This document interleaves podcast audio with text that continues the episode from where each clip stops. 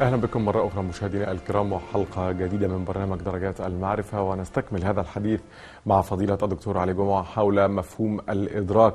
وفي الحلقة الحالية إن شاء الله في هذه الحلقة إن شاء الله سنتحدث ونستكمل الحديث مع فضيلته حول أسباب انفصال بعض المسلمين في هذا العصر الذي نعيش فيه عن الواقع سواء واقع مجتمعاتنا العربية والمسلمة أو الواقع العالمي والكوني. في الفترة الحالية. أرحب بفضيلة الإمام العالم الجليل الأستاذ الدكتور علي جمعة أهلا وسهلا بكم مرحبا. وسهلا مولانا. مولانا حضرتك ذكرت في الحلقة السابقة بأن ذكرت لنا سببا من أسباب هذا الانفصال. في عقلية المسلم عن إدراك الواقع المعاش. منها أننا انفصلنا عن تدريس العلوم الإنسانية والعلوم الاجتماعية ولم نساير الغرب في هذا الأمر. نود أن نستكمل في هذه النقطة وإن كانت هناك نقاط أخرى في الدكتور. بسم الله الرحمن الرحيم. الحمد لله والصلاة والسلام على سيدنا رسول الله وآله وصحبه ومن والاه. ليس فقط عدم التدريس بل الإنشاء. يعني هم أنشأوا علوما. وهذه العلوم التي نشأت نشأت من وجهة نظر كلية للإنسان والكون والحياة خاصة بهم. قرروا فيها تنحية قضية الوحي. قرروا فيها تنحية قضية اليوم الآخر الذي تكلمنا عنه في حلقات سابقة. قرروا فيها تنحية قضية التكليف. وأنشأوا نظما وأنشأوا علوما لدراسة هذا الواقع بعيدا عن هذه العقيدة وهذه النظرة للكون والإنسان والحياة. نحن تشبثنا بهذه النظرة. نؤمن بالله نؤمن باليوم الآخر نؤمن بالوحي نؤمن بالتكليف نؤمن بالأنبياء ثم إننا لم ننشئ أداة كما أنشأوا لفهم الواقع من خلال هذا الإيمان ومن خلال تلك الرؤية. أين الصحيح من الخطأ أين الحق من الباطل أين المعيار الذي أقايس به القبول والرفض؟ ليس معي هذا ولذلك سيحدث بعد ذلك أنني سأستعير هذه العلوم بالرغم من انطلاقها من نموذج معرفي مختلف وأضعها هنا فيصبح الإنسان منفصما مع نفسه يؤمن بشيء ويدرس شيئا آخر.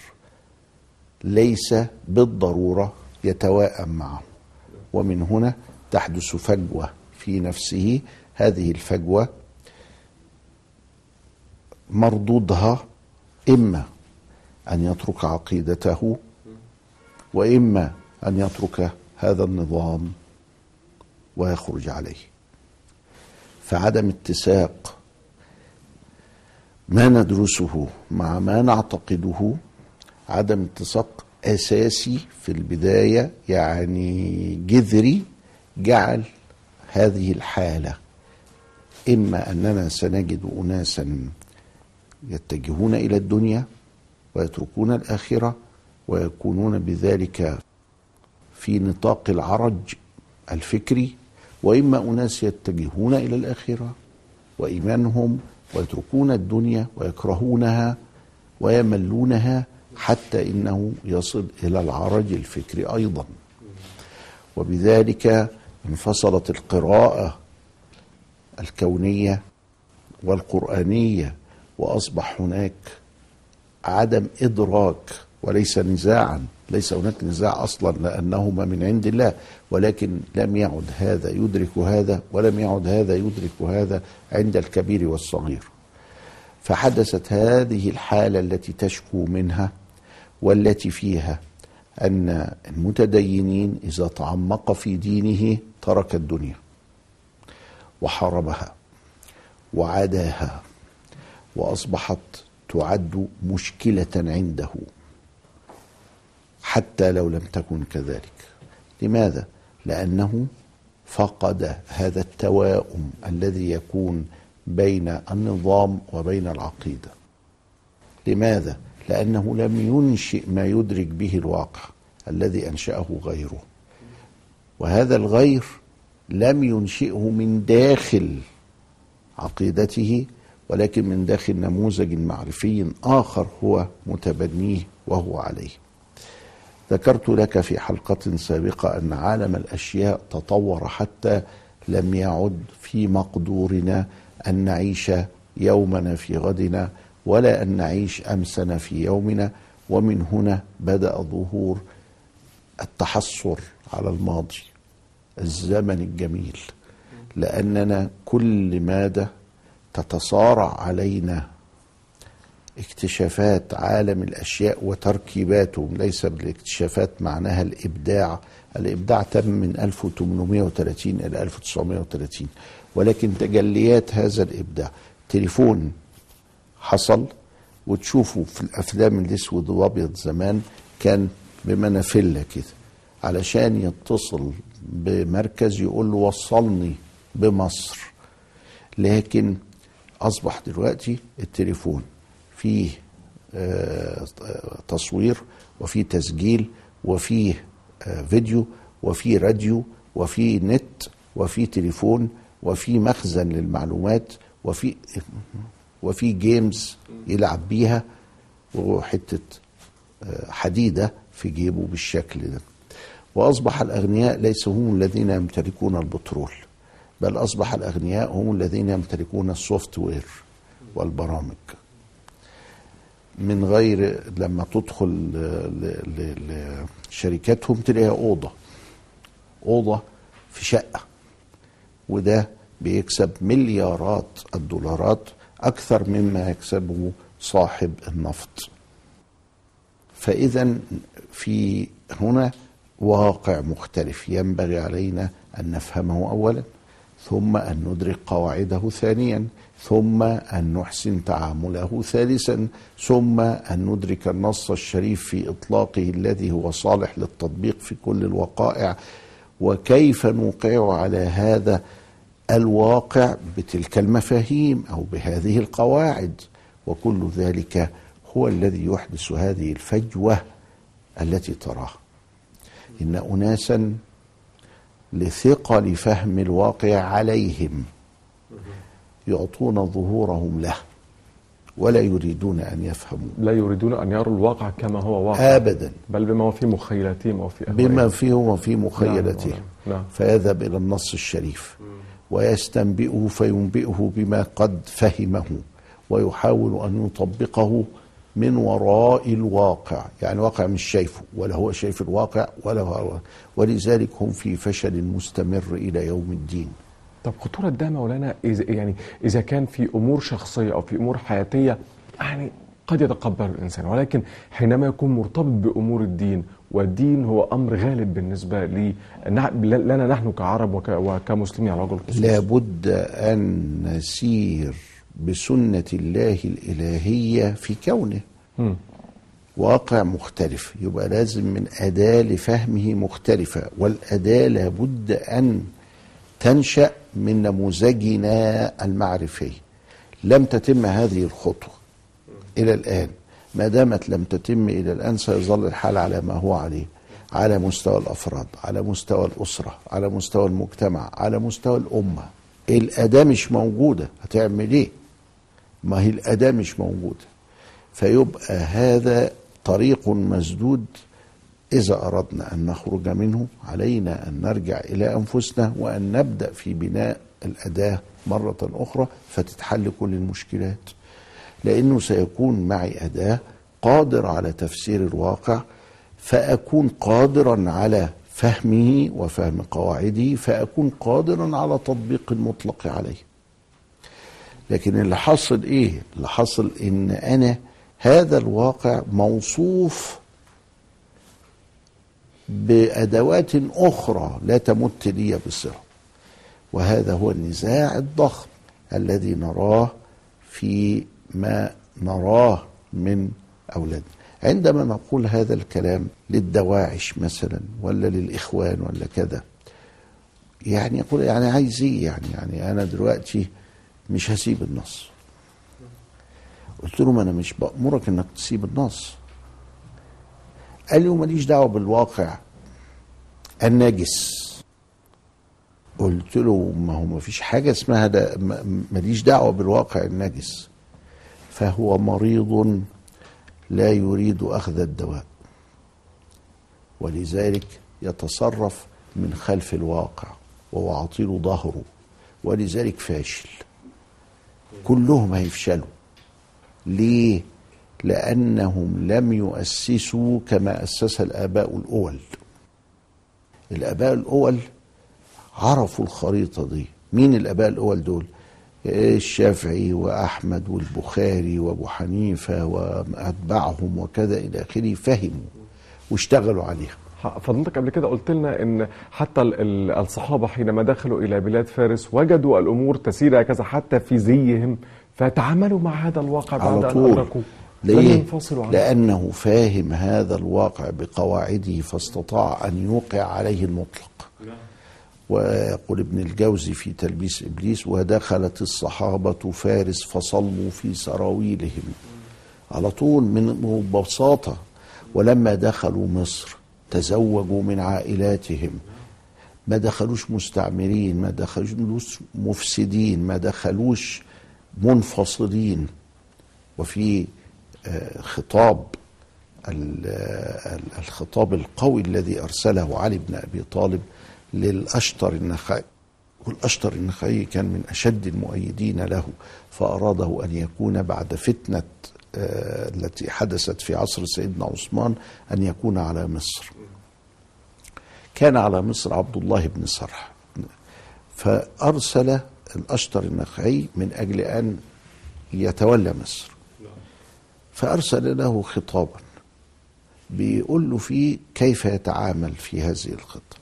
للأسف الأشتر النخعي لم يصل إلى مصر لكن وصلنا خطاب الخطاب بقي في التاريخ وممن أصدره وأكد عليه الشيخ محمد عبده مما يدل على وعي الرجل العميق بمشاكلنا الحقيقية. فيقول له سيدنا علي واعلم أنك تأتي على أقوام إما أن يكون شبيها لك في الخلق أو أخا لك في الدين شبيها لك في الخلق. يعني خلي بالك إيه المشترك اللي بينك وبينه؟ إنسان زيه زيك. إنه إنسان زيك زي ولذلك هتبني بقى معاملتك معاه على هذا. لا دول الناس فاهمين. فاهمين الواقع الذي عاشوه. ولذلك إحنا قلنا عليهم إيه بقى؟ لما بنسمع الناس تشتم السلف الصالح. من لدن الصحابة إلى الأئمة إلى كذا. يا جماعة هؤلاء قاموا بواجب وقتهم. وأنتم الذين قصرتم في واجب وقتكم. هم قاموا بالواجب ما يتشتموش دول. وإن كنا لا نقف عند مسائلهم. الدنيا اتغيرت صح. إنما هو كان يريد إيه؟ الإصلاح. يريد عمارة الدنيا يريد عبادة الله يريد تزكية النفس يريد عرض الدعوة على ما هي عليه من غير إكراه ومن غير كذا أنا أريد هذا طب إزاي؟ بأساليب مختلفة تماما. بكلام مختلف تماما. واخد بالك إزاي؟ يختلف باختلاف الجهات الأربعة اللي قلنا عليها. نعم. طيب أستاذ مولانا بعد الفاصل نتحدث في يعني تغيير الواقع. يعني مفهوم يردده كثيرون ويفكر فيه كثيرون. كيف نغير هذا الواقع خاصة إن كان هذا الواقع يتعارض مع بعض معتقداتنا وأفكارنا أو حتى مع أهدافنا؟ بعد الفاصل إن شاء الله معنا. أهلا بكم مرة أخرى. مولانا إذا أراد المسلم أن يغير الواقع الذي يعيش فيه أيا كان شكل ومستوى هذا الواقع هل هذا يتعارض مع السنن الإلهية؟ هل هذا يتعارض مع العقل؟ بالتعريف الذي عرفناه لا يمكن تغيير الواقع. لا يمكن تغيير الواقع. لا لا يمكن تغيير الواقع. الواقع نتعامل معه مش نغيره. التعريف الذي عرفناه أننا نتكلم عن عالم الأشياء وعن عالم الأشخاص وعن عالم الأحداث وعن عالم الأفكار. طيب عالم الأشياء إيه ال- العلاقة بيني وبينها؟ هي علاقة التناول. فأنا عندي دائرة للحرمة يحرم علي إن أنا أتناولها ودائرة الحرمة في عالم الأشياء حاجتين ثلاثة أربعة. الخمرة الميتة الخنزير الحاجة المغصوبة. الحاجة بس وخلاص. وبقية ال- الأشياء زي الخاتم ولا زي الساعة ولا زي ال- المانشيت ولا زي أي حاجة حلال. دايرة الحرام في التناول قليلة جدا. فإذا كان في مئات الآلاف من الأشياء من عوالم الأشياء فإن المحرم فيها أشياء قليلة. تعال بقى في عالم الأشخاص. ما الذي حدث في التغير في عالم الأشخاص؟ حدث بروز ما يسمى بالشخصية الاعتبارية. يبقى عندنا شخصية طبيعية هي اللي كانت تملي موجودة والتي نعرفها لكن نشأت شيئا فشيئا إلى أن استقلت استقلالا تاما الشخصية الاعتبارية عن الشخصية الطبيعية. وشفنا إن مدير البنك اللي نظام البنك ظلمه ومش عاطيله الدرجة بتاعته. يروح يرفع قضية مين اللي بيرفعها؟ حسن باعتباره ذمة طبيعية. يرفعها على مين؟ على البنك. أيوه بيخاطب مين في البنك؟ المدير بتاعه اللي هو مين؟ اللي هو حسن. فواحد بيرفع قضية على نفسه. الكلام ده كان عبث. قبل انفصال الشخصية الاعتبارية عن الشخصية الطبيعية. لكن الآن أنا بلجأ إلى القضاء حتى ينصفني من هذه الشخصية الاعتبارية التي أخرت حقي عندها وإن كنت أنا أمثلها. واخد بالك؟ ويأمر حسن الذي هو مدير البنك مدير إدارته القانونية أن يذهب فيدافع عن البنك. ده صحيح. من واجبات ده من واجبات وظيفته. وإذا ما عملش كده هيتهم بالفساد.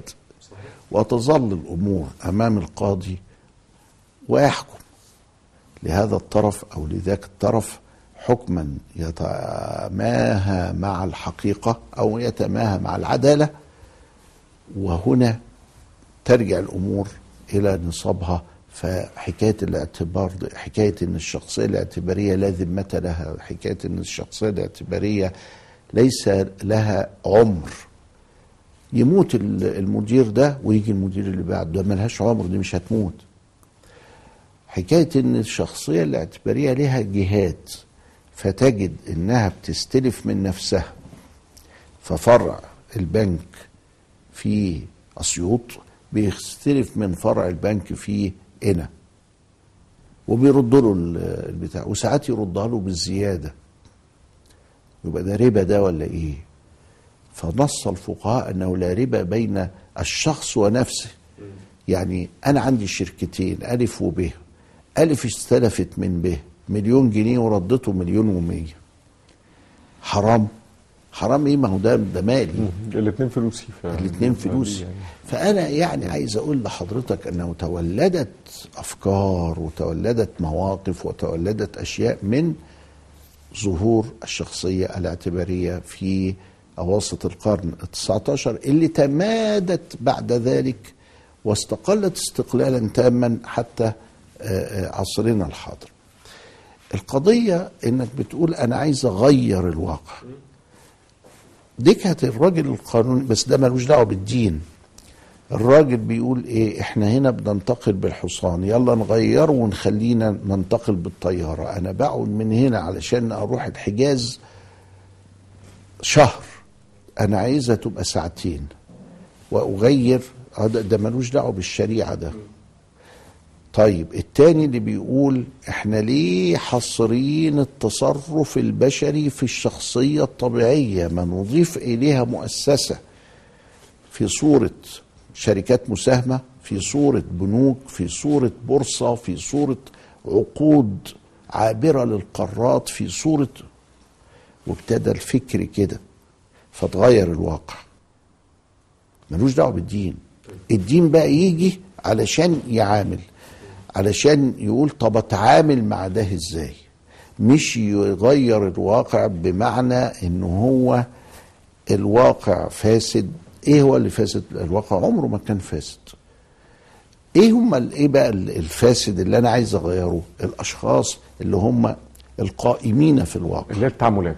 اللي هي آه. تعاملي معهم نعم. طيب مولانا. وده يتأتى بالتعليم بالتربية.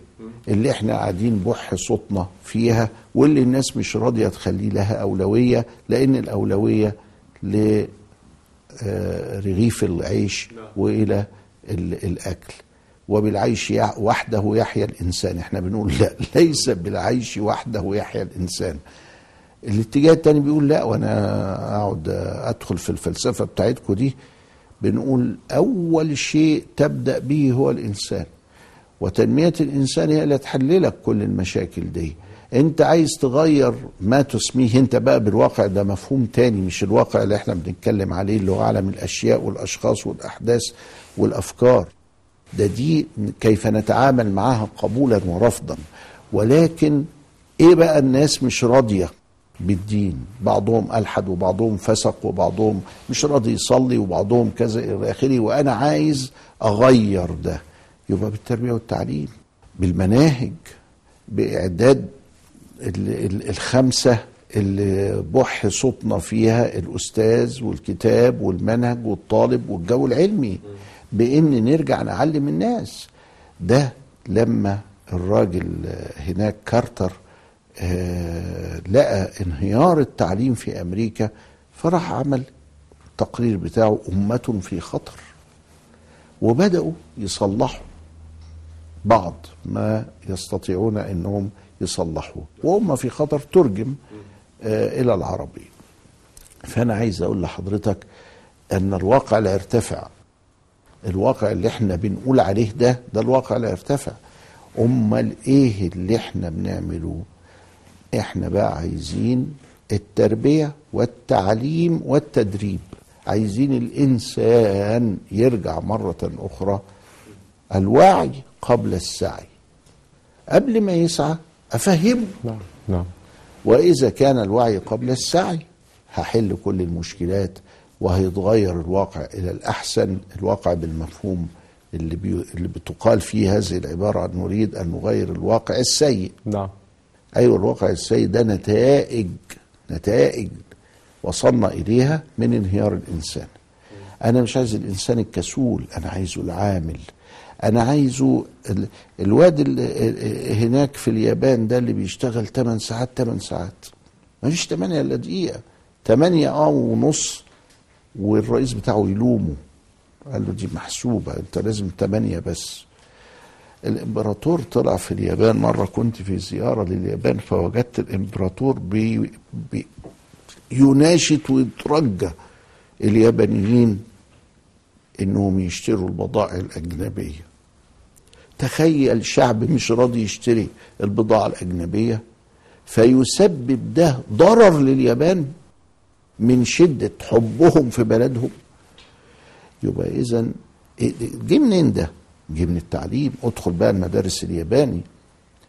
فالولد سن أربع سنين وسقطت منه حباية رز.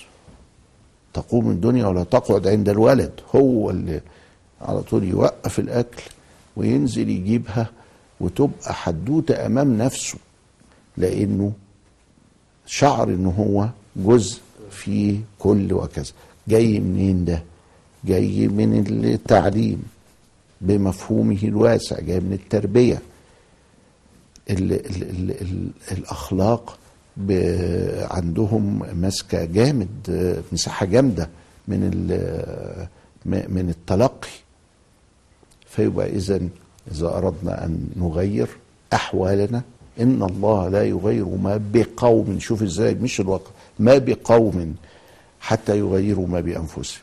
إن سلبا فسلب وإن ايجابا فايجابا طيب مولانا بعض الشباب المسلم المتحمس آه، إن يرى مجتمعه مجتمع فاضل أشبه باليوتوبيا التي في خياله أو في ذهنه أو التي آه، تخيلها في بعض القراءات والكتب يعني. وبالتالي هو يصطدم مع الواقع الذي نعيش فيه. فضلتك ذكرت قبل كده وتكرمت بأن الإسلام هو نسق مفتوح يستوعب الجميع حتى خصوصا في دول ونماذج من المجتمعات الإسلامية آه، آه، يشترك فيه ويتعايش فيه المسلمون مع غير المسلمين. لكن هذا الشباب نرى يصطدم حتى وهو في بلاد الغرب يصطدم بهذه المجتمعات الغربية التي يعيش فيها. يريد أن يغير واقع هذه المجتمعات الغربية. وحينما يأتي إلى الشرق أبناء الشرق يصطدمون مع مجتمعاتهم الشرقية ويريدون أن يغيروا هذه هذه المجتمعات وفقا لعقليتهم أو لفهمهم للدين. هل هذه مناطحة للواقع ولا يمكن أن يغيروا الواقع؟ المصيبة أنها ليست مناطحة للواقع فقط. دي مناطحة لسيدنا الرسول. لهذه الدرجة؟ ده المصيبة كده. ال- القضية أنه يفعل ضد ما يريد. سيدنا الرسول صلى الله عليه وسلم جعله الله أسوة حسنة. لقد كان لكم في رسول الله أسوة حسنة لمن كان يرجو الله واليوم الآخر وذكر الله كثيرا. ولذلك فقد ترك لنا نماذج أربعة. نموذج كيف يعيش في مكة. أقوام من المشركين أهل الوثن. وإنهم يكرهون هذا الدين. ويحاربونه ويحذرون منه ويعذبون من انتمى إليه ويضايقونهم ويضيقوا عليه. ونموذج في الحبشة. بلاد غير إسلامية تقبل المسلمين. نعم. ونموذج في المدينة أولا. مواطنة مجموعة مختلفة من العقائد من المشركين من اليهود من المسلمين من المنافقين تعيش تحت دستور المدينة الواحد الصحيفة. والمدينة بعد طرد اليهود منها لجرائمهم وخروجهم على الدستور. يتبقى إيه؟ أربع نماذج. فهو بيصطدم مع النبي لأنه هو قاعد في روسيا التي عذبت المسلمين أو في التركستان حيث تعذيب المسلمين أو في بورما حيث قتل المسلمين. هو عايشين في مكة. يبقى اذا نشوف النبي عمل إيه في مكة ونعمله. بيقول لا ما مش هشوف النبي عمل إيه في مكة. ده بيصطدم مع النبي. مش بيصطدم مع ال- ال- الواقع بتاعه. فإذا جاء في الحبشة قال ما مش هعمل اللي النبي عمله في الحبشة عن طريق أصحابه. إذا جاء في ال- ال- المواطنة زي مصر مثلا يقول لا أنا مش عايز المواطنة دي أنا عايز النبي الأخير اللي هو بتاع المدينة. وإذا جاء في النبي الأخير بتاع المدينة يقول لا بس أنا مش نفسي كده أنا نفسي مش عارف فين لا لا لا لا. ده مش بيصطدم مع الواقع فقط هو بيصطدم مع الواقع وفوق ذلك هو بيصطدم مع سيدنا النبي في الأسوة الحسنة وهو يخرج عن المحجة البيضاء التي تركنا عليها. بارك الله فيكم مولانا. شكرا جزيلا لحضرتك على هذه المعلومات وعلى هذا التحذير والتنبيه للشباب العربي والمسلم. أشكرك. شكرا جزيلا مولانا. شكرا لك. شكرا لحضرتك. شكر موصول لكم. إلى اللقاء.